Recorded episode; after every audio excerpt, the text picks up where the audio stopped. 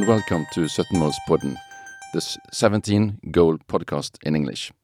My name is Knut Vindenes. Also, this uh, episode is in English because we are talking about renewables and we want to reach out to more listeners than only Norwegian uh, speaking audience. The previous episode, also in English, is also about research on, um, on offshore wind. Um, so, in this episode, Siri Smith and I visit the Clean Energy Lab at the Western Norway University of Applied Sciences to talk with Professor Dayalan Velauthapillai and some of his PhD students about uh, the, their solar energy research work. We are briefly addressing the big picture uh, regarding solar energy, uh, the huge need for solar energy in the world. Then we draw the map regarding the different concepts of solar energy. Within the conventional silicon technologies, there are panels, solar farms, and there are the promising floating solar energy installations. Uh, solar thermal energy is just briefly mentioned. Then we spend most of the time in the episode talking about and demonstrating in the lab the newest technologies which are so far only in the, in the lab and which are expected to be cheaper and more flexible when they come to market. One of the very promising concepts uh, in using um, is using nanotechnology to to produce hydrogen directly from sun and seawater, so no need for electrolysis.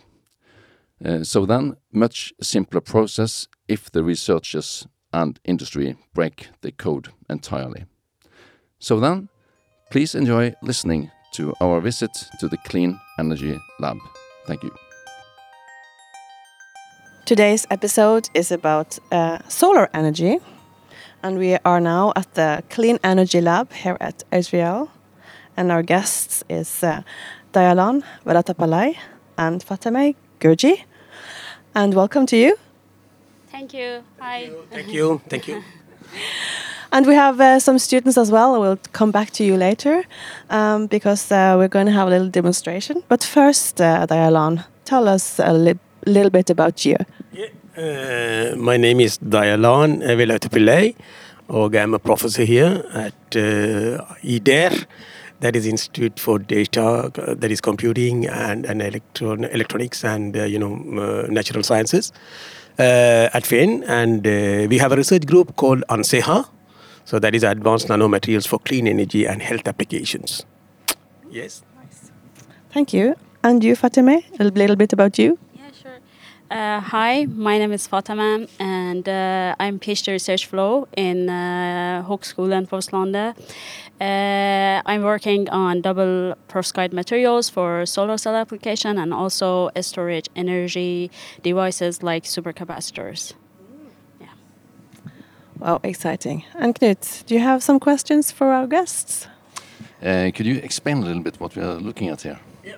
Uh, actually, we are working on uh, both synthesis of nanomaterials and we are working on, on simulation as well of nanomaterials for different type of clean energy applications. So what you see here is that uh, we have some equipments, uh, some which we have uh, already bought. So we are going to you know build a laboratory here, but we have an existing chemistry laboratory which we use uh, for produce uh, new type of materials and synthesize these materials and to produce prototypes uh, of um, new type of solar cells and and uh, we use nanomaterials to produce hydrogen uh, and uh, we use nanomaterials to save energy in capacitors, supercapacitors, photocapacitors, and so forth.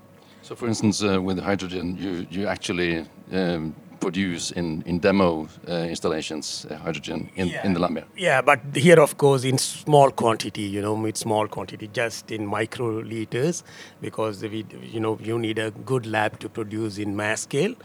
But uh, we, are, we are using solar energy and nanomaterials to produce hydrogen. So it will be in small scale, in a lab level, in microliters, and we have equipments which uh, which could characterize and which could measure how much of hydrogen we produce. You know, so these type of equipments, of course, we have here. Yeah. Very good. Could, could you show us a little bit what we are looking at at the table here? Yeah. Uh, we could we could start with uh, maybe I could explain the new technologies first, maybe. Uh, yes, please. I mean, a bit uh, yeah. solar energy for dummies, maybe. yeah, yeah. okay, okay. I could start with solar energy. The thing is, as far as solar energy is concerned, uh, um, you know, you all know that it is very important to use solar energy nowadays because of this energy crisis. And we, you see, uh, after this war in Ukraine and gas prices are going to go up and so forth. So you need renewable, especially solar energy. Because uh, as we all know, um, sun, of course, it gives us 23,000 terawatts of power. Uh, and uh, for a year, we use just 16 terawatts per year, the, the whole population, you know.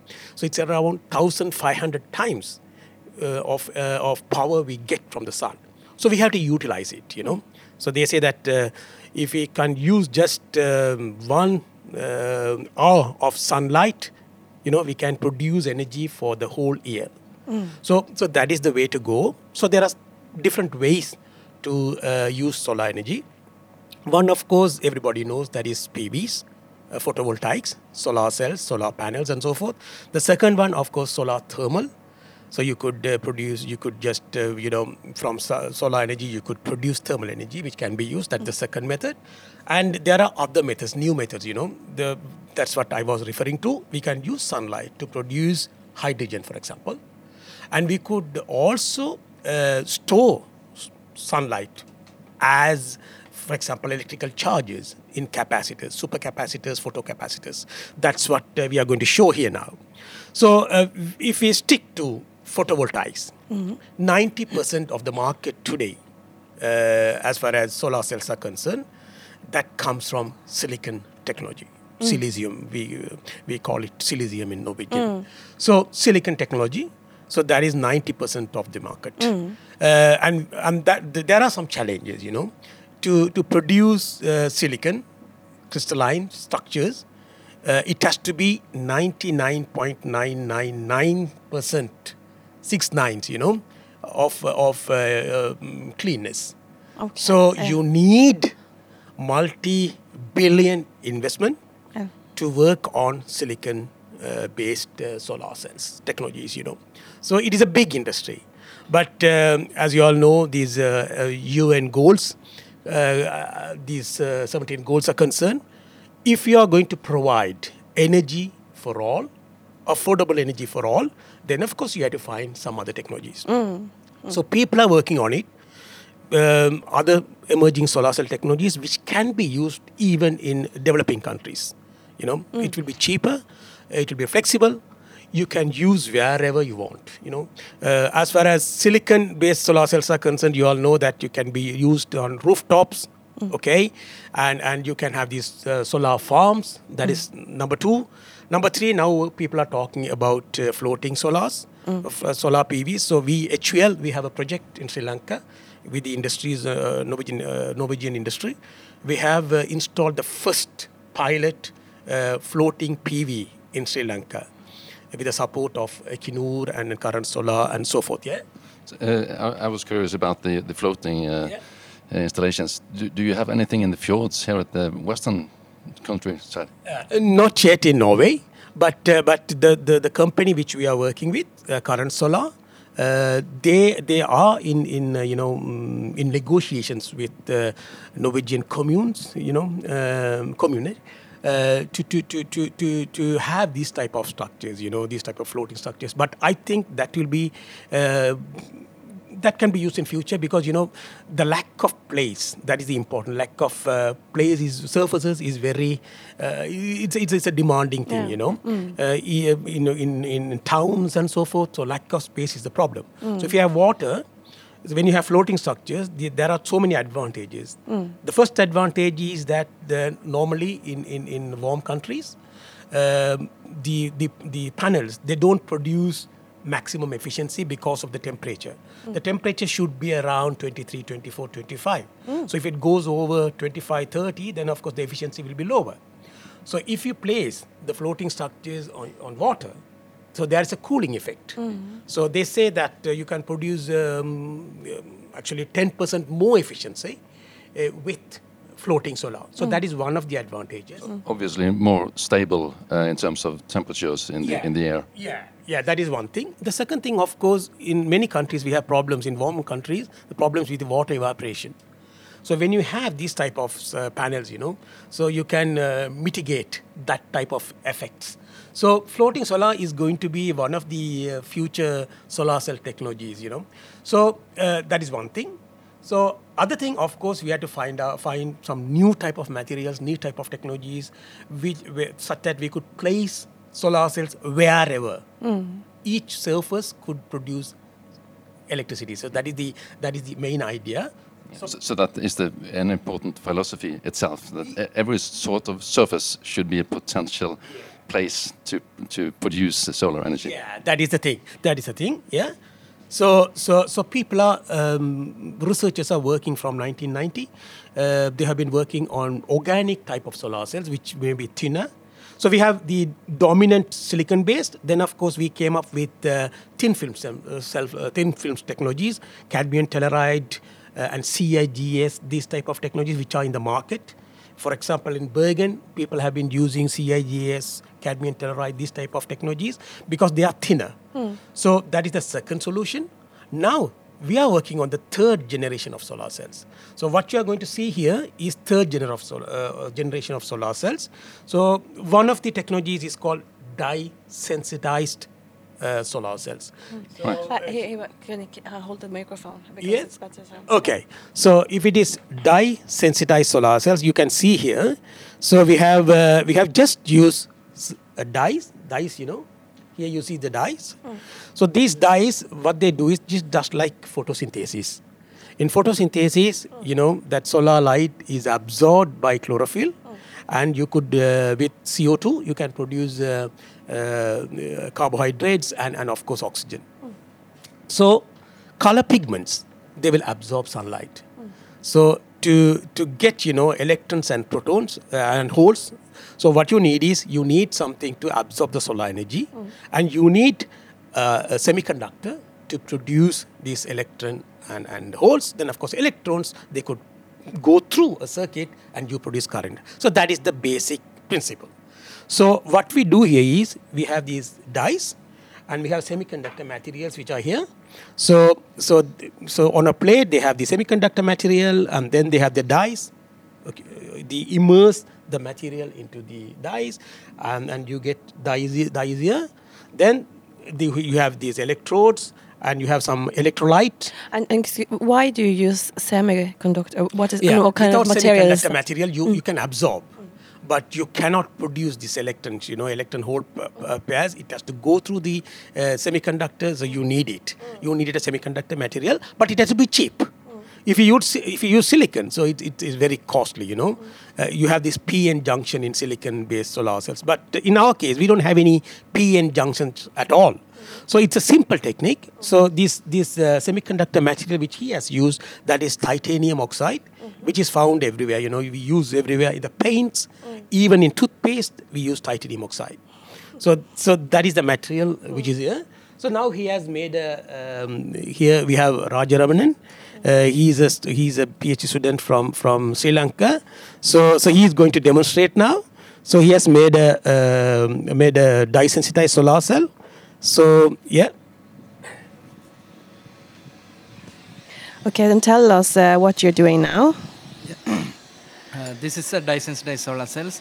Uh, now I am connected uh, this one with the, uh, the fan uh, and I am going to expose this device into uh, light. Okay, so we are looking at uh, some energy producing uh, system here with. Oh yeah, so we are When having we a lamp. expose this device into light, it produce electron. Uh, This go through that electron go through the outer circuit. Uh, due to that, this fan is working. Should we try to explain what we see here, Siri? A, a, a box with uh, with um, light shining uh, on this item. How should we call it? Uh, Kind of a cell. dye sensitized solar. A It's dye. Okay, solar it's a cell. cell, and then that, that is connected to a fan, which now rotates to, which indicates that we are actually producing power. So, so what they have done is they have they have printed it. You know, so when they have printed it, so it's very easy to print it. Um, um, and and it can it can come in different colors. Yeah. So you can decorate your decorate your home. Yeah, you can the- you can uh, uh, Yeah, yeah, design yeah. into it uh, as well. have- you can have flowers. You can have whatever you want. You know. So this does so this is not a bad thing for those who are concerned with the design in the home. That is Aesthetic, yeah. thing. Aesthetically, it will be good. It will be in different colors, and and the, the important thing is that you don't need direct sunlight. Yeah, that's a good point. Yeah, you could have diffuse light. And uh, what are the costs? It's Very, very, very cheap. It's compared c- compared to silicon-based solar cells, it is uh, very cheap.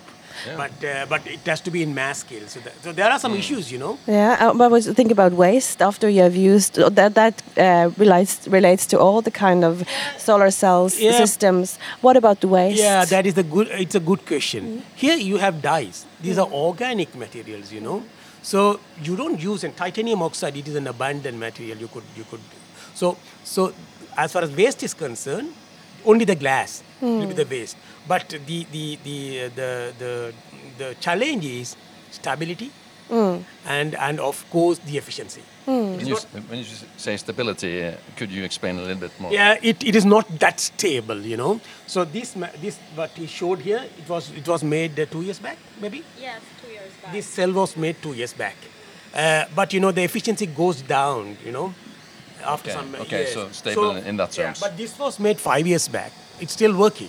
Ah. So maybe ten years, but the efficiency is efficiency is much low.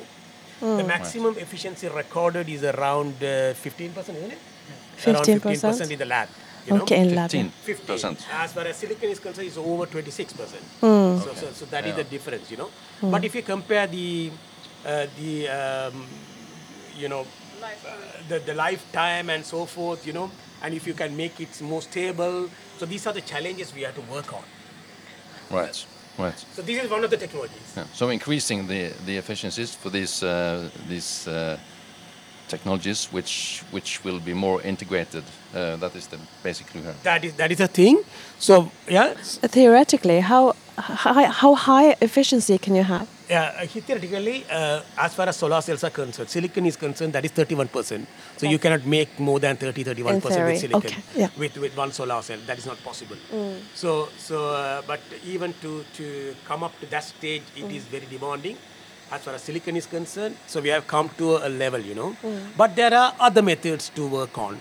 So people are working on different techniques. So now uh, maybe Fatima could help us uh, to explain. There's another material. Instead of dyes, we could use something called perovskites. So Yeah. you can explain. Yeah, what you can are have a working on. microphone. Yeah, thank you. Yeah, I am working on perovskite materials. I'm working on perovskite materials for uh, uh, for different kind of application. For example, solar cells and uh, field effect transistors. So uh, perovskite materials, as an like we can say, emerging uh, generation of photovoltaic. Um, photovoltaics. It's um, uh, attracted a lot of attention uh, all around the world from the res- different research groups. And uh, this is because of the uh, remarkable progress in their efficiency that they showed.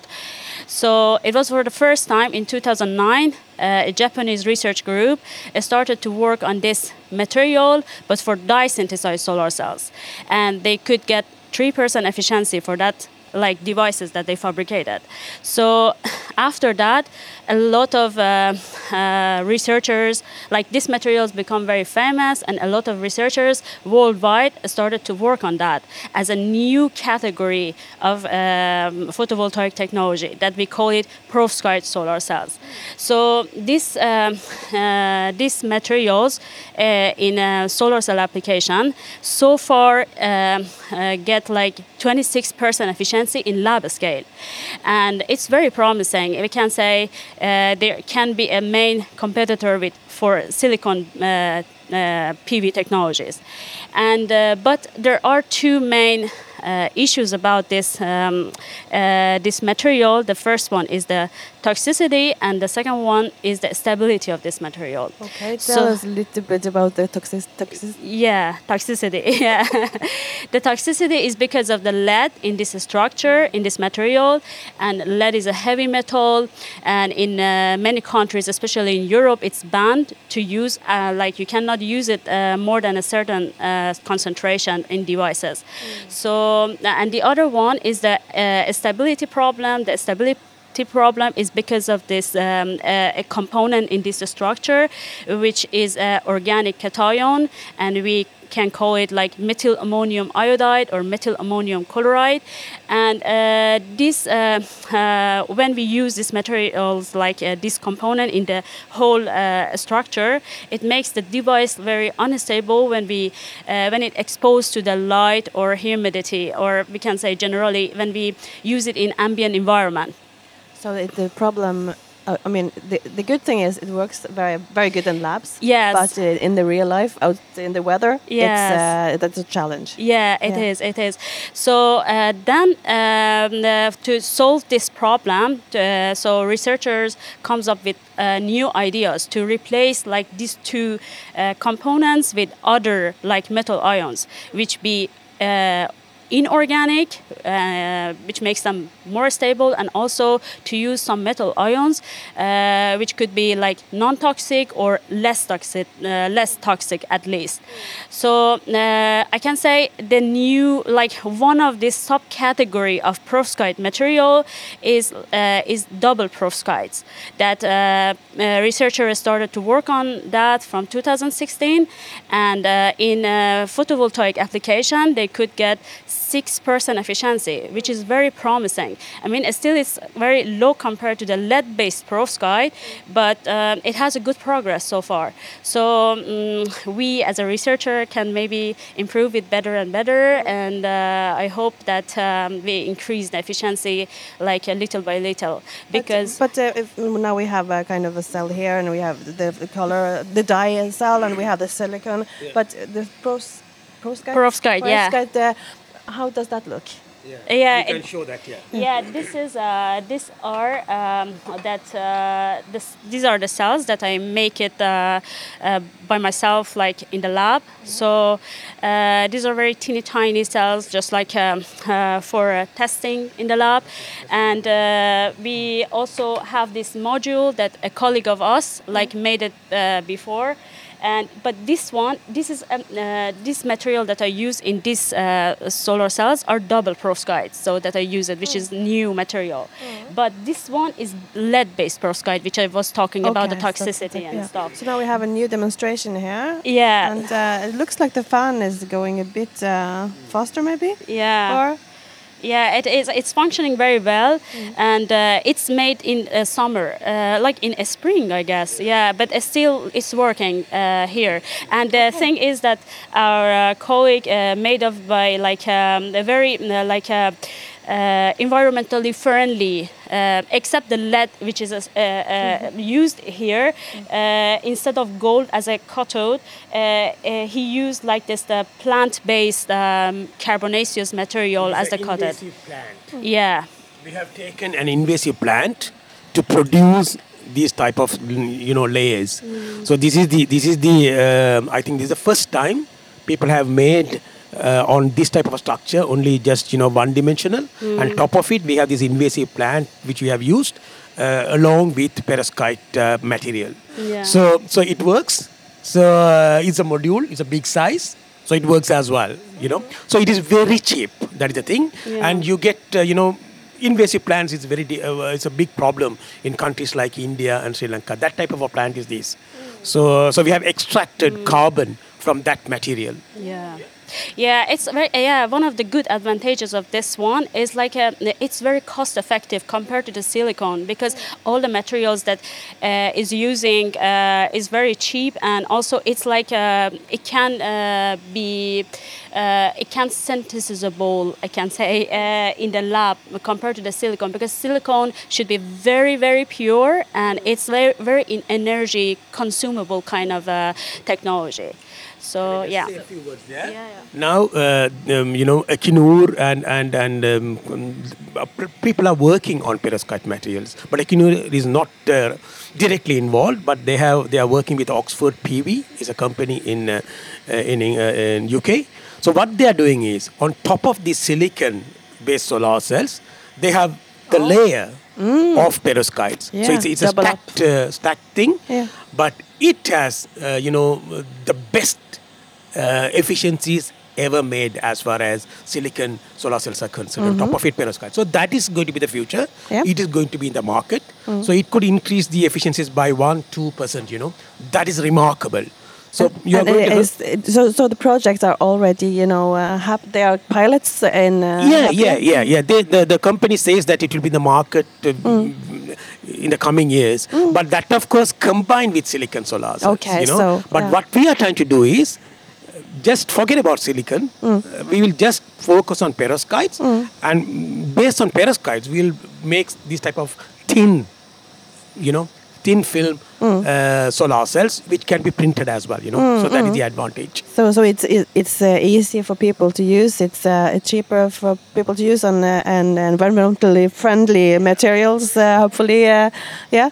So that uh, should be um, because we were talking about uh, earlier. You know, uh, for for people in in poor countries, you know, they are they are. Uh, yeah, they are, they don't have access to energy. Most many people, and now, um, so now they can maybe uh, there would be a solution. Yeah, That's good clean, en- clean energy to all. Just a few things to show if you just quickly. Yeah. Just Yeah. quickly. Um, uh, the next thing, of course, this is solar cells. So, uh, um, as far as you know, surface is concerned, if we can use, for example, glass windows to produce current, so that would be one thing. So, so here uh, we have uh, Rajaramanan. He's uh, he's he's going to show the uh, you know one glass. Just have a look at the glass. It's transparent. It looks like transparent. So it's supposed to be a, a kind of window, or Yeah. yeah. But you can say, you can just Uh, uh, here, wha- what is this? Is this is a luminescent solar concentrator. Uh, here, in one uh, square glass, uh, we coated photoluminescent material on the one of the this surface. Uh, this is a, transparent material. Uh, this material uh, absorb uh, sun. Sorry, this material uh, absorbs sunlight uh, in the 400 to uh, 700 nanometer range. Then this re-emit that photon into higher wavelength beyond the 900 nanometer. That photon go through the this uh, glass and uh, reach the edge of this class. In in this edge, we uh, connected with the solar cells. So this photon uh, coupled with this uh, solar cells produce current. Uh, So you use- cap- ca- kind of capture the sunlight or use it in a mo- even more efficient photon. And we are now looking at the sort of square, uh, 10 centimeter square uh, item, which is transparent, 100%, looks like a window, and with a black frame around, which uh, with a uh, sort of uh, yeah, wire for, for taking the for leading the current. yeah. Okay. Demonstration here. Yeah, Yeah. new demonstration. The, the, the Yeah. Now we see the light going through this. Uh, Through let's call this- it a window, which Yeah. it's supposed to be. yeah. which it looks like, and the fan goes. So uh, very, very good. So you can you can have your room uh, with glasses of this type, which could produce current for the room. You know, inside the room. So if I had uh, this kind of uh, of a glass on my cell phone, Yeah. uh, I didn't have to have a battery in the cell phone. I could just have energy from the glass, or Siri looks uh, at opportunities. But yeah, but but on the no, but not on the mobile phones. You know. no, it's not possible. no, but but you know you have solar cells uh, here around, Yeah. but you don't see that. So I could have s- so, so around. Yeah. Here is solar cells attached. Yeah. Yeah, I see. So around uh, the glass, it's the solar cells. So because they, I mean, uh, the battery technology is also a challenge and uh, and uh, waste problems. You know, so if we could uh, we could skip the battery of the phones and only have those kind of. Quite uh, a potential, really. yeah, challenge for you.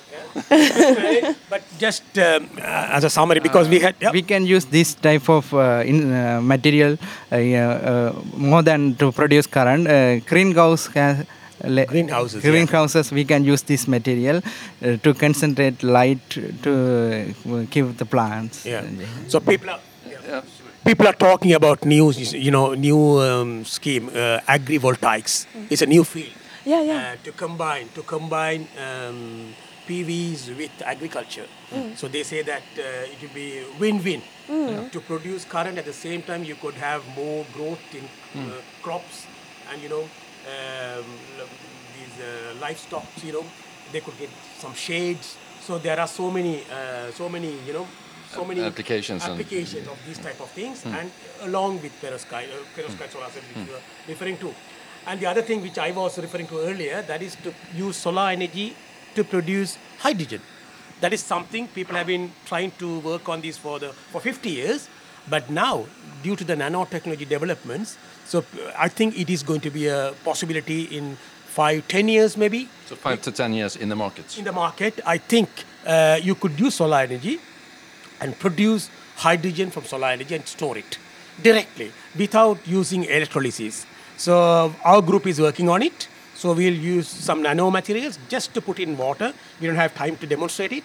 Just to put it in water, and and uh, uh, it absorbs the sunlight, and then it produces hydrogen. You know, just from water. Just a question then, because uh, we're talking about uh, how how uh, the scaling of it. So if we have a, a ship who is go going through the Pacific, and they uh, have battery, and the battery is empty, Yeah. so then you can produce uh, hydrogen Yeah, using. that is the thing. Shipping, Direct, of course, yeah. as you all know, you know, transport section is the worst section. You know, only 0.3 percent of the energy comes from renewables. As far as transport is concerned, only 0.3 percent.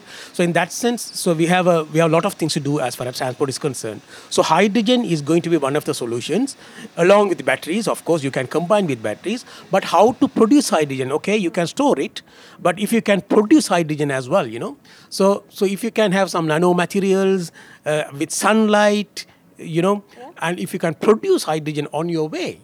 But Yeah, there but- are some issues, you know, salt water to produce hydrogen from salt water. There are ah. some issues, you know. Hmm.